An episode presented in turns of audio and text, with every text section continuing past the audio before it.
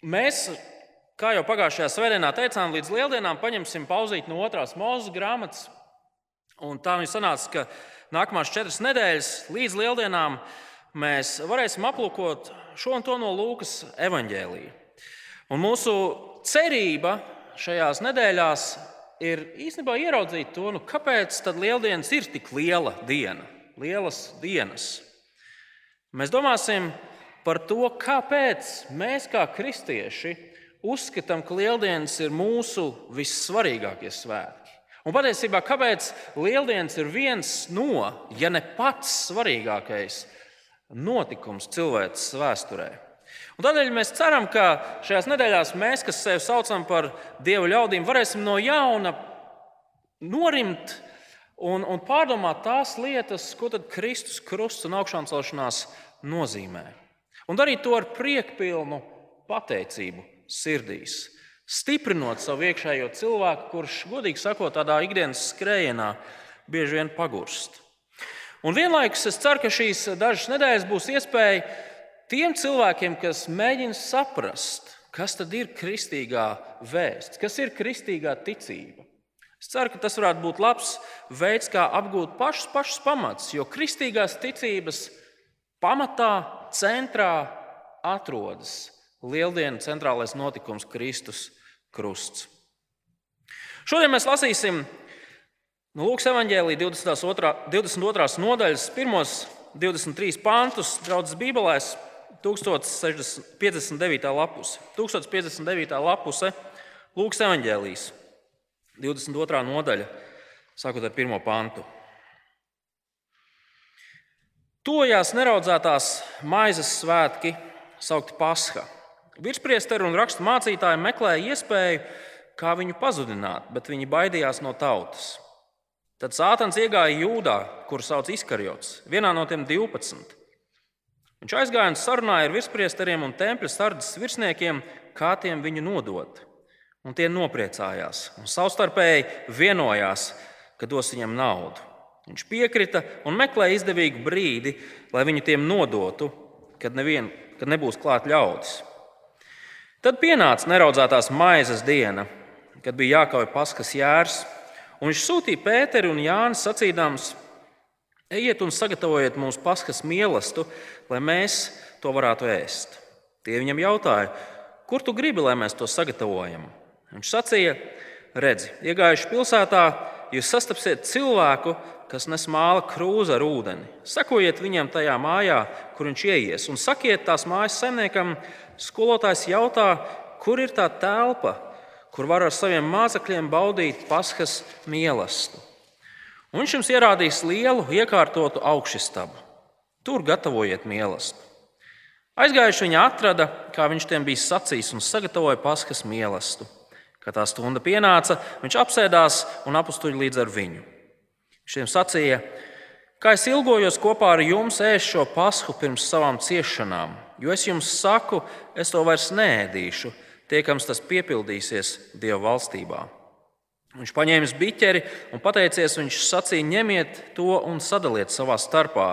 Jo es jums saku, kopš šā brīža es no vīna koka augļiem vairs nedzeršu, tiekams nāks Dieva valstība. Paņēmis maizi un pateicies, viņš lauza to un deva viņiem sacīdams, šī ir mana miesa, kas par jums tiek dota. To dariet mani pieminēdami. Tāpat viņš ņēma arī biķeri kad viņi bija pāēduši un teica, šis biķers ir jaunā derība manās asinīs, kas par jums tiek izlietas. Bet redz, tā cilvēka roka, kas man nodos, ir līdzās man uz galda. Jo tiešām cilvēka dēls aiziet, kā tas nolikts, bet vai tam cilvēkam, caur kuru viņš tiek nodots? Un viņi sāka jautāt cits citam, kurš no viņiem to grasās darīt. Lūksim Dievu! Labais debes Tēvs, Tavs vārds atklāja to, ka nekas šajā pasaulē nenotiek nejauši. It viss ir daļa no Tava brīnišķīgā un labā plāna, no Tava nodoma.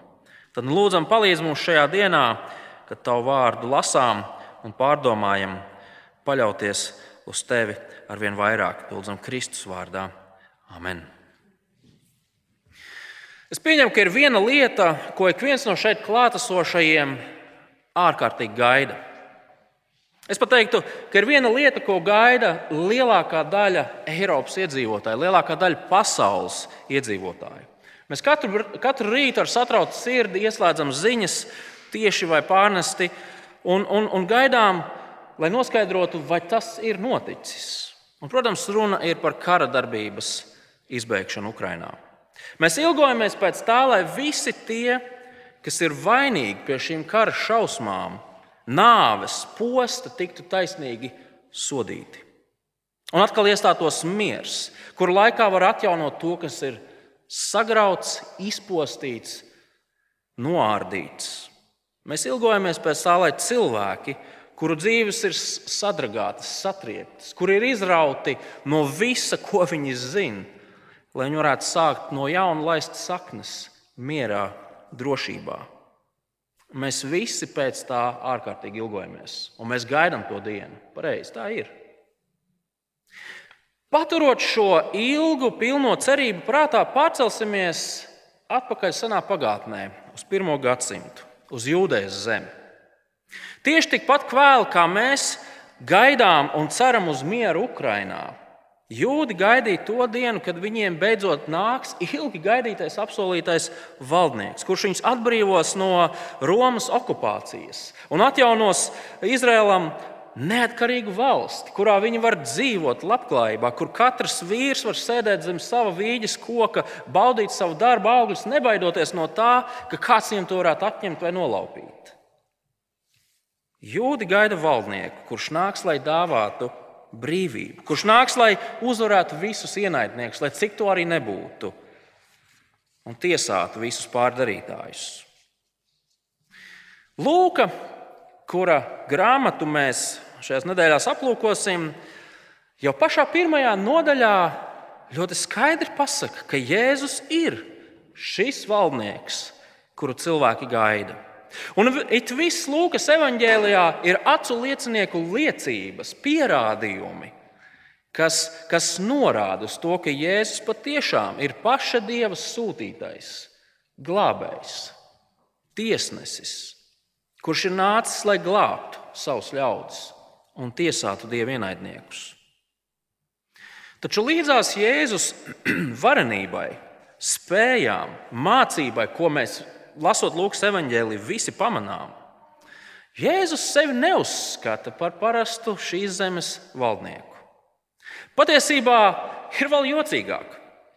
Viņš runā par to, ka viņam ir jādodas uz Jeruzalemi, kur viņš sevi labprātīgi nodos netaisnīgai tiesai, kur viņu mocīs, piesitīs krustā, tādējādi sodot ar nāvi. Un lielais jautājums ir, kāpēc?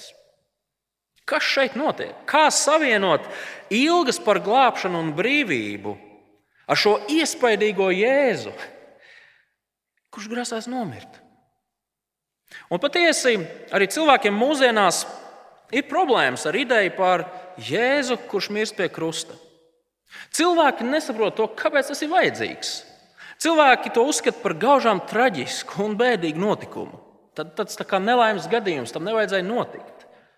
Cilvēki runā par Jēzus morālo mācību, par to, cik apgarots Jēzus ir bijis, par to, kādu ietekmi Jēzus ir atstājis uz patiesībā uz visu moderno pasauli. Viņa vārdi, viņa darbi, viņa piemērs, tas ir iespaidīgi. Bet tas krusts tajā visā kaut kā neiedars. Taču patiesība ir tāda, ka krusta nāve bija tas veids, tieši tas veids, un tā lieta, uz kuru Jēzus gāja no paša sākuma. Ziniet, ka Ziemassvētki patiesībā pastāv lieldienu dēļ. Jēzus piedzima, lai nomirtu. Mēs svinam Ziemassvētkus, lai svinētu lieldienas. Vēl vairāk, Jēzus krusta nāve nav kaut kas tāds, kas ir saistīts ar šo varno valdnieku tikai te un tagad. Nē, tas ir kaut kas tāds, par ko pravietoja un runāja visa vecā derība. Tā ir bijusi daļa no Dieva plāna jau no paša, paša, paša sākuma. Ieskatieties šīs dienas raksturvietas noslēgumā, 22. pantā. Jo tiešām cilvēka dēls aiziet, kā tas nolikts, bet vai tam cilvēkam, caur kuru viņš tiek nodots? Cilvēka dēls ir vēl viens tituls, kā apzīmēt šo varano valdnieku. Un Jēzus saka, tas, kas ar viņu tūlīt, tūlīt notiks pēc dažām stundiņām, tas nav nekāds pārsteigums. Tam tā bija jābūt. Tam tā bija jānotiek. Par to tā bija runāts. Vai pašķirsim dažas nodaļas uz priekšu, 24. nodaļa, un izlasīsim no 25. līdz 27. pantam. Tad Jēzus uzrunā savus mācekļus pēc tam, kad viņš ir augšām cēlēs ar šādiem vārdiem: Ak, jūs nesaprātīgi un sirdī kūtrie ticēt visam, ko runājuši pravieši! Vai tad Kristum tā nevajadzēja ciest un ieiet savā godībā? Un iesākdams no mūzes un visiem praviešiem, viņš tiem izskaidroja, kas visos rakstī, rakstos sacīts par viņu. Ja es saku Mūzes grāmata, visi vecās derības pravieši, tie visi runā par mani, tie visi runā par to, kas ar mani notiks. Pārsteidzoši. Un tāpēc mēs esam spiest uzdot jautājumu, kāpēc Jēzus nāca, lai mirtu? Kāpēc tas bija Dieva lielais nodoms? no paša sākuma. Kādā veidā Jēzus Krusta nāve viņu padarīs par šo varano valdnieku? Nu, kādā veidā tas ir savienojams ar glābšanu un ar mieru? Un šie ir tie jautājumi, kurus mēs šajās svētdienās mēģināsim atbildēt. Jo atbildot uz šiem jautājumiem, mēs ieraugām to, kāpēc krusta nāve, kāpēc augšām celšanās ir tik svarīga lieta. Kāpēc tā ir vislabākā vēsts, kādu mēs viens otram varam pasludināt? Kāpēc tas, ko mēs sakām, Kristus ir augšām cēlies lieldienu dievkalpojumā, ir tik brīnišķīga vēsts?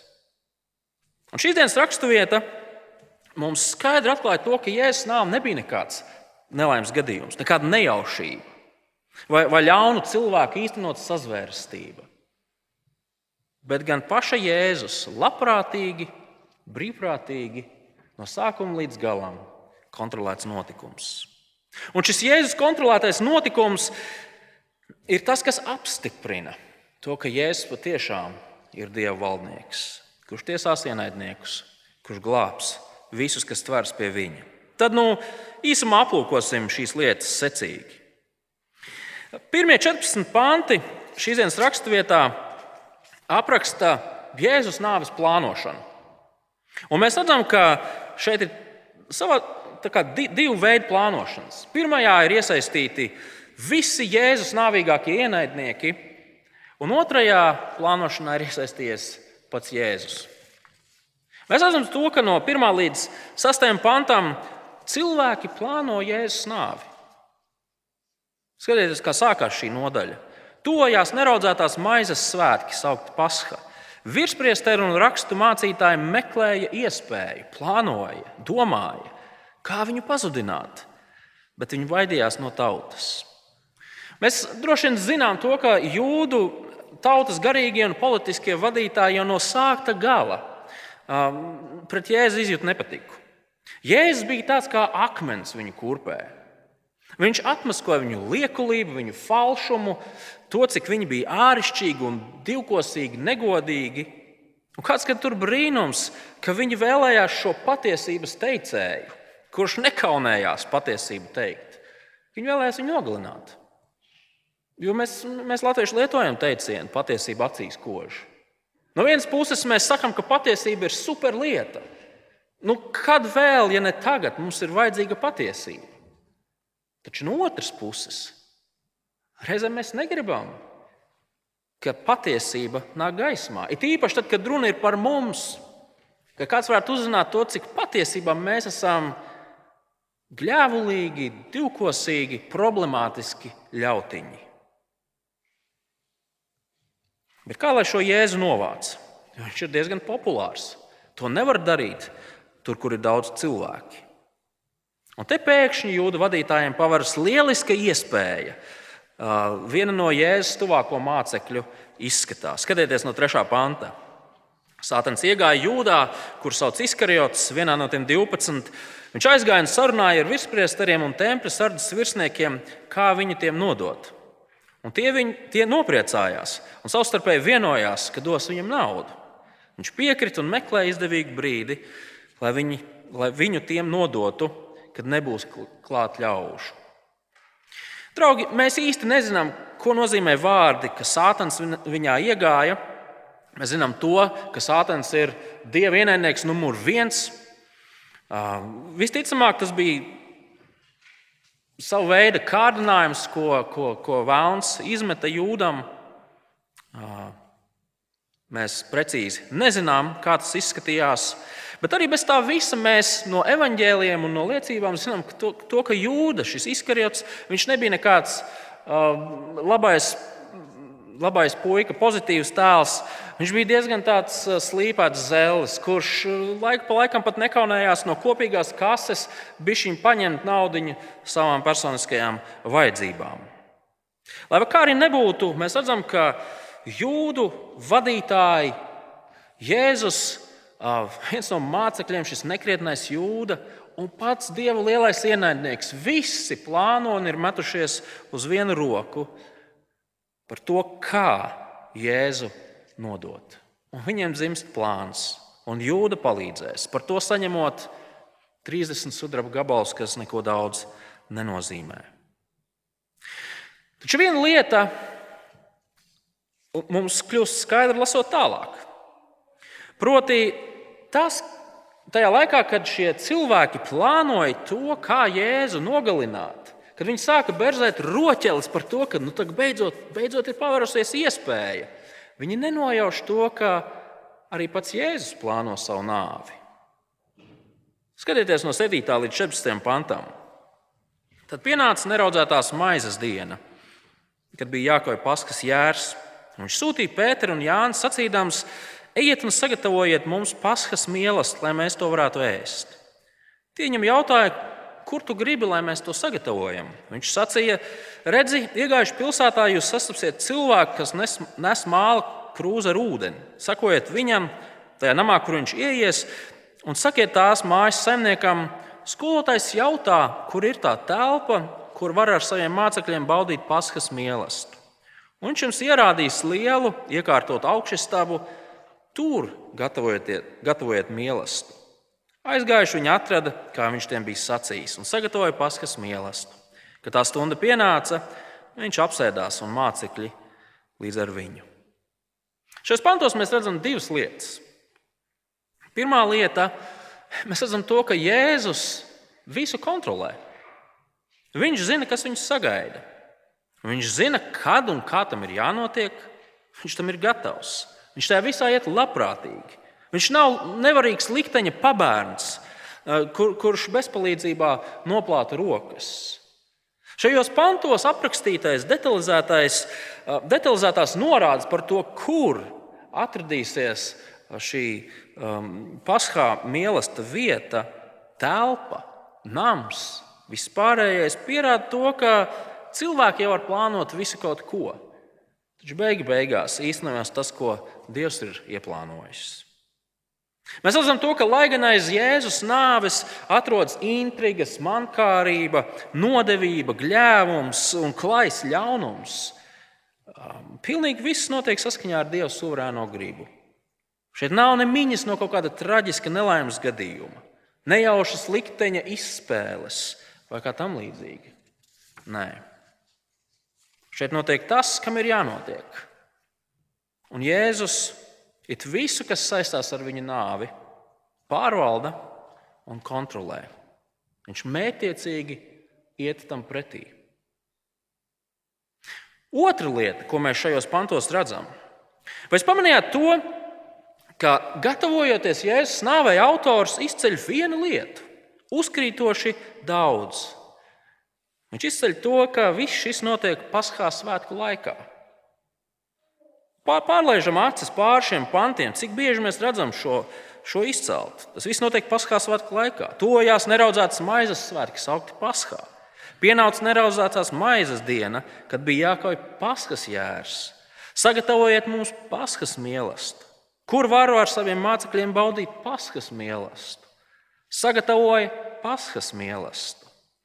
Draugi, tas ir ārkārtīgi zīmīgi un ārkārtīgi svarīgi. Jo kas tad gal galā ir paskas mīlestības? Kas ir šie svētki?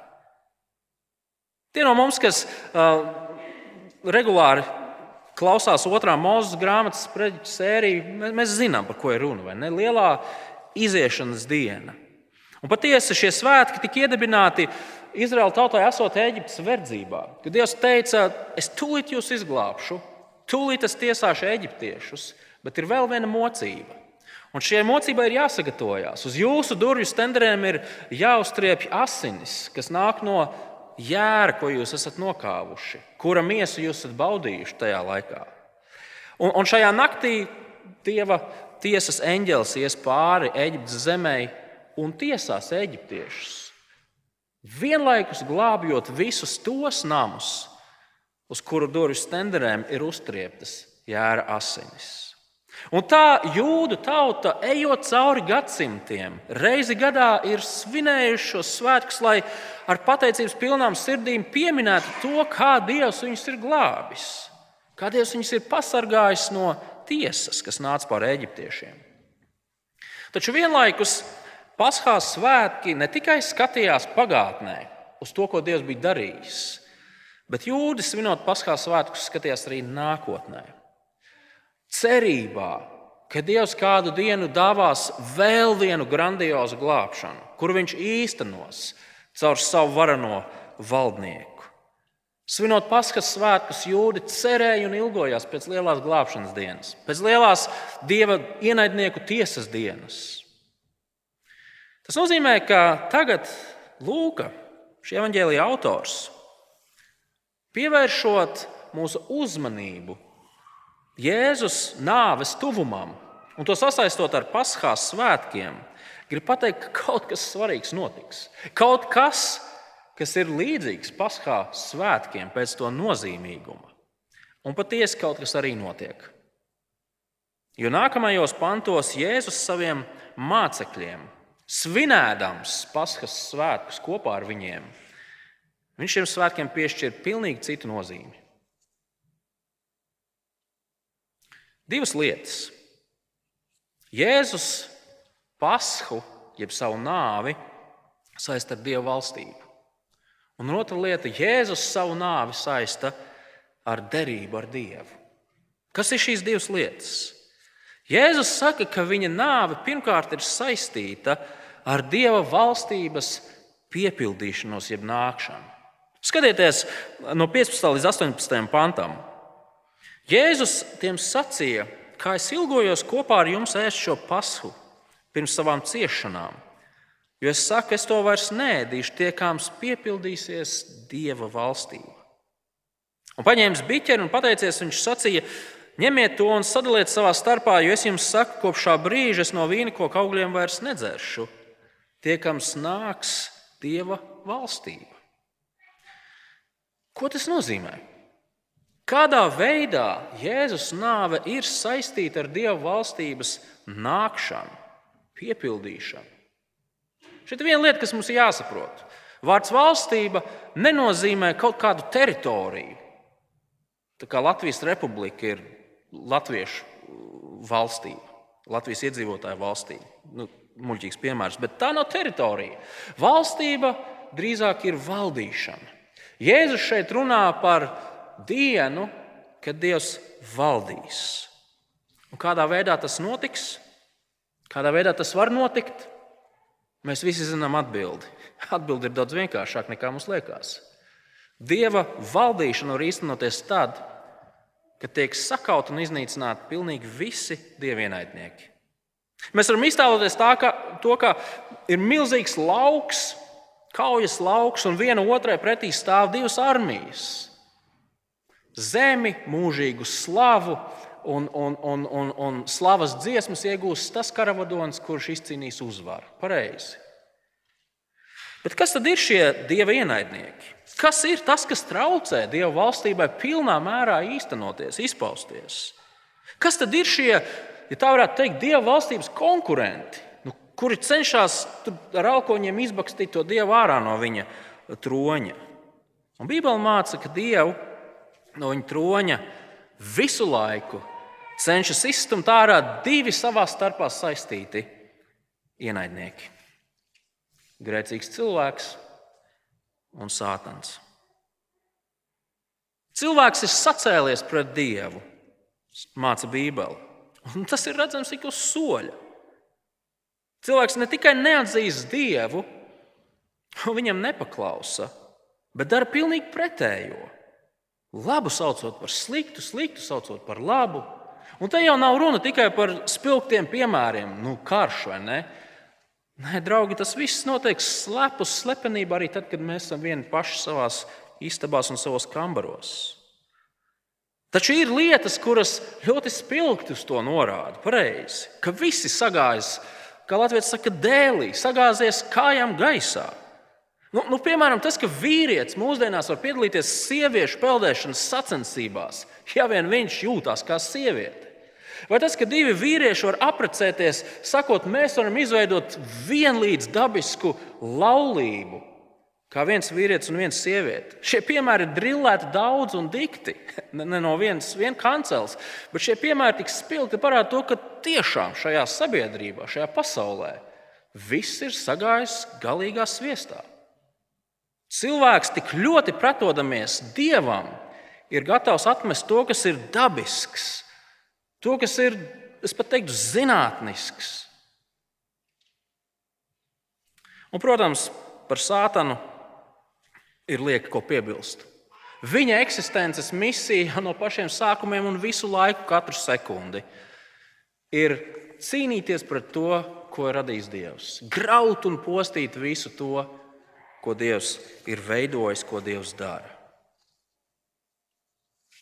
Un mirdams pie krusta, Jēzus tiek galā ar abiem šiem. Mirdams pie krusta, Jēzus atbruņo, pilnībā iznīcina, galīgi sakauj abus šos ienaidniekus. Krusts var likties kā vislielākā sakāves diena. Valdnieks ir miris, taču patiesībā tā ir vislielākā uzvaras diena. Pie krusta Jēzus uzvar grēka varu šajā pasaulē, pie krusta Jēzus uzvar sātanu, dievu lielo ienaidnieku. Un, protams, tas atšķiras no tā, ko Jēzus laika biedri un arī mēs uzskatām par lielākiem ienaidniekiem. Jūda lielākais ienaidnieks bija kas?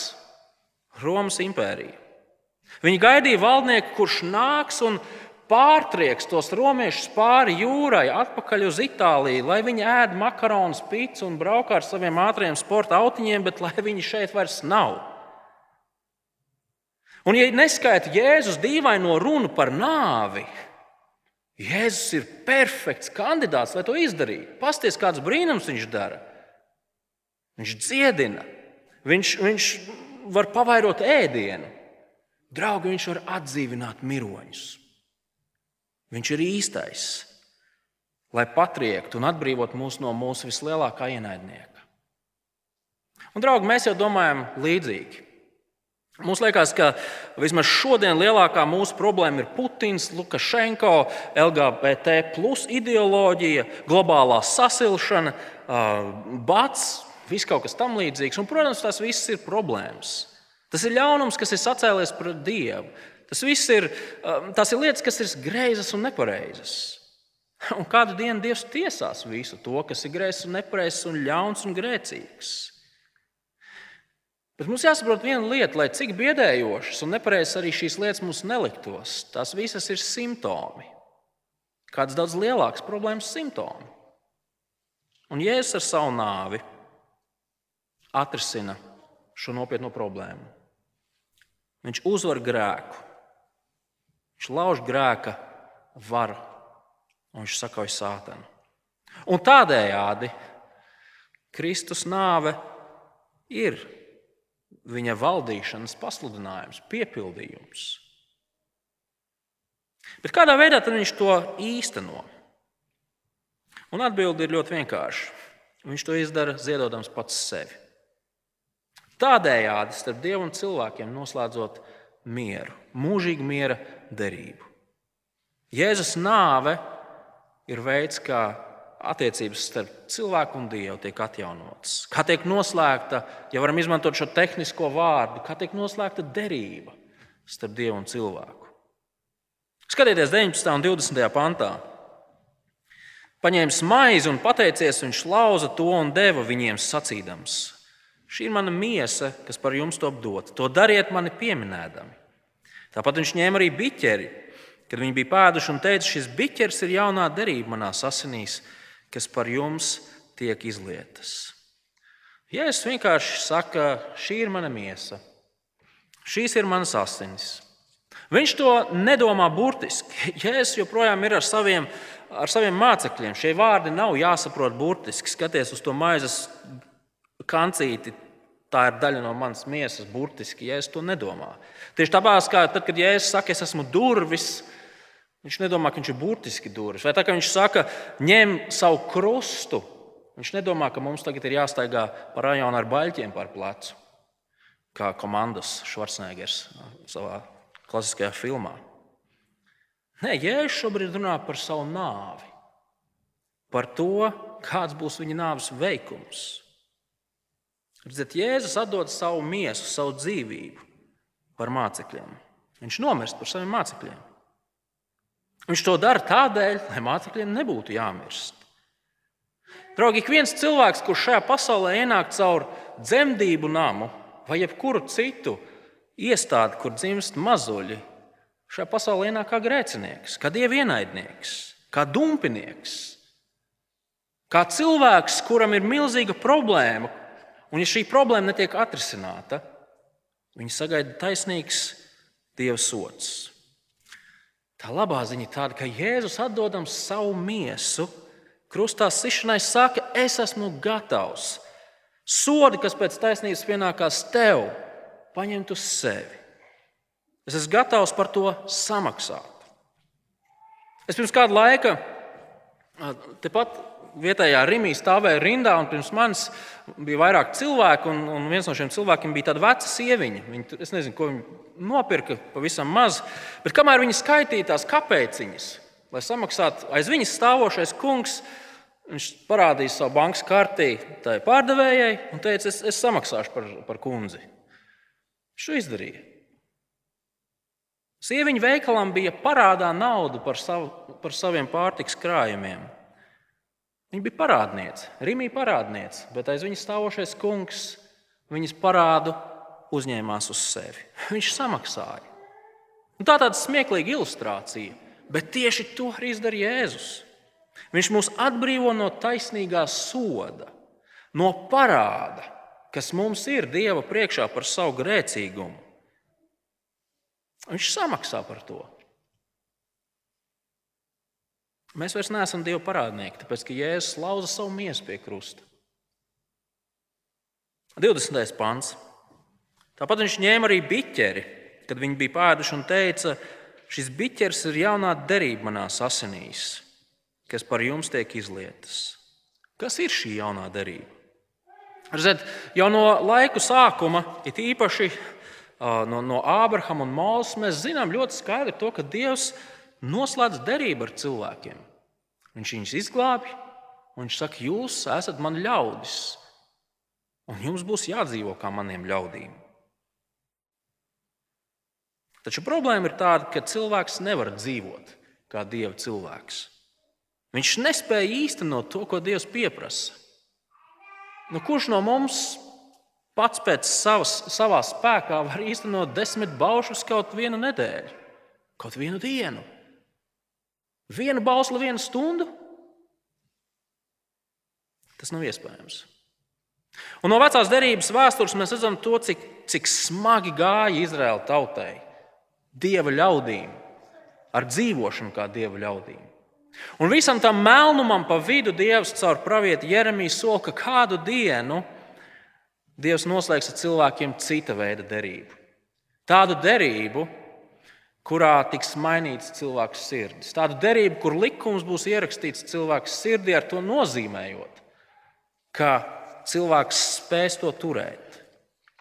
Tā būs kvalitatīvi citādāka derība. Dievs cilvēku labā izdarīs kaut ko tādu, lai mainītu viņa sirdi, ka tā būs spējīga dzīvot Dievam. Un Jēzus saka ar savām pie krusta izlietajām asinīm. Es sarūpēju šo derību. Manas asins ir šī jaunā derība. Es sarūpēju miera attiecības, jums, uh, miera attiecības starp jums un Dievu. Es sarūpēju to, ka tagad cilvēks var dzīvot ar Dievu mierā. Draugi, Jēzus varenība atklājas tajā, ka viņš kā varants ķēniņš izglābi savus ļaudis, uzņemoties uz sevi, samaksājot mūsu grēku parādu. Jēzus piepilda to, ko cilvēki gaidīja Paskā svētkus svinot. Viņš patiesi ir ilgi gaidītais valdnieks, kurš cilvēkiem dāvā kaut ko tādu, kas visiem ir nepieciešams - grēku piedošana, miers ar Dievu, attiecības ar Dievu. Un labā ziņa ir tāda, ka pateicoties Jēzus Krusta nāvei, mēs vairs neesam dievienaidnieki, grēka vergi. Jā, protams, Vēlams izmantos katru iespēju, lai mums ausī čukstētu.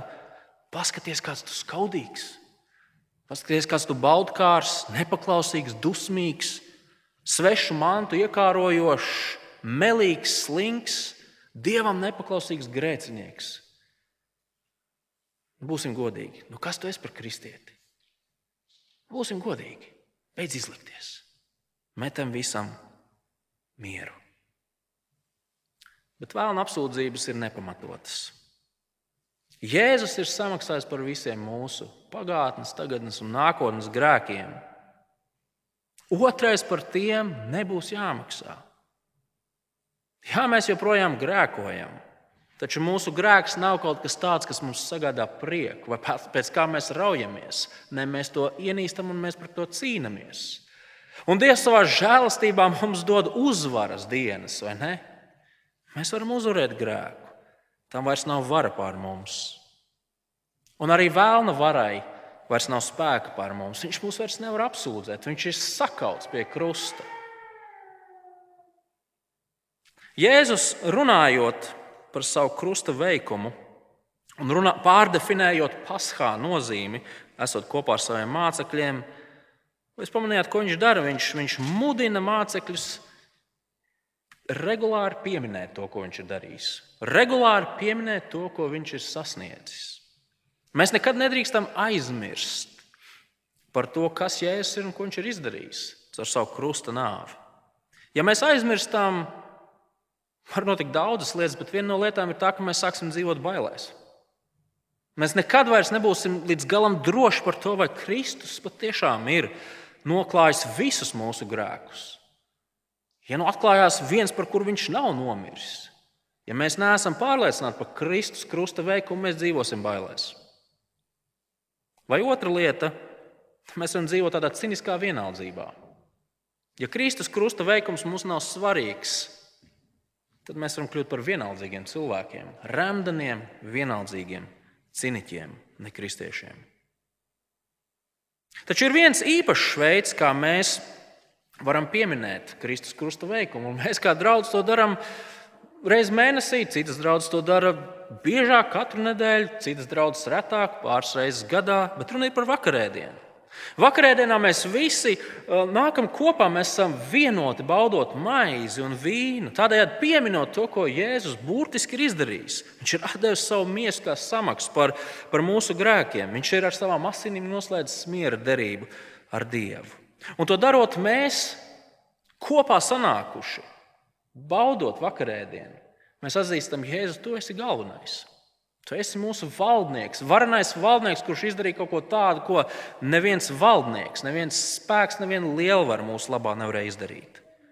Tu mums esi dāvājis glābšanu, tu esi uzveicis mūsu ienaidniekus.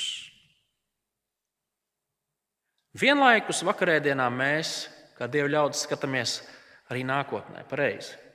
Mēs skatāmies un gaidām to dienu, kad beidzot, beidzot Dieva valdnieks parādīsies visā savā spēkā. Dieva valdīšana būs kā tāda spoža gaisma, kas izgaismo pilnīgi visu. Mēs gaidām to dienu, mēs ilgojamies pēc tās.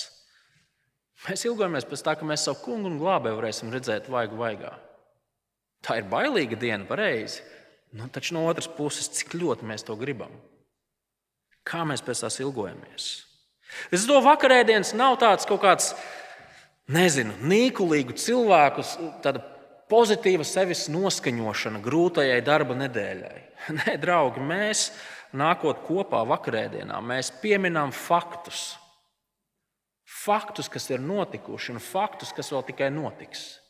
Un tādējādi pats Kristus, esot klātesošs savā draudzē, stiprina mūs. Tad, nu, gaidot lieldienas, īpaši domāsim par to, kā Jēzus deva pats sevi, lai šādi demonstrētu savu varenību un savu mīlestību, savu žēlastību. Draugi, Jēzus pie krusta uzveic visus lielākos ienaidniekus. Neviens nav palicis neuzvarēts. Un viņš mirst patiesas mīlestības dēļ. Nepelnīt mums dāvājot žēlastību, lai mēs varētu tikt atbrīvot no grēka varas un soda.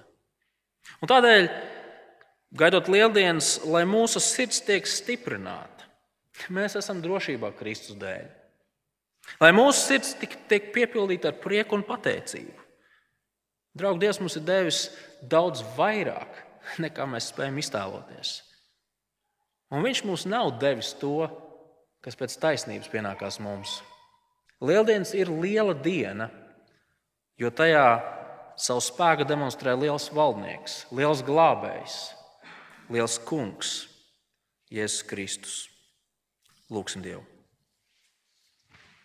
Labais dabas tēvs patiesi mēs esam priecīgi un pateicīgi par to, ka Kristus nāca šajā pasaulē nevis lai ar uguni un zobenu um, izkarot sev vietu zem saules, izveidojot milzīgu impēriju, bet lai atrisinātu mūsu lielāko problēmu. Lai mirtu kā paskā jērs pie krusta, lai ar savu lausto miesu samaksātu mūsu grēka sodu, lai ar savām izlietajām asinīm noslēgtu miera derības starp mums un Dievu. Ak, cik tās ir labas ziņas! Tās mēs atzīstam, ka lieldienu notikums mums reizēm ir tik pierasts, tik, tik ierasts, Tādēļ lūdzam, lai šajā laikā mēs no jauna varētu ar patiesu prieku un pateicību pieminēt lieldienas un visu, ko tas sevi ietver. Un ka mēs ar, ar, ar lielu dedzību un pārliecību sludinātu Kristus krustu un augšām celšanos mūsu draugiem, radiem, visiem cilvēkiem, kas ir ap mums. Tās mēs lūdzam to Jēzus, mūsu kungu un glābēju vārdā. Amen.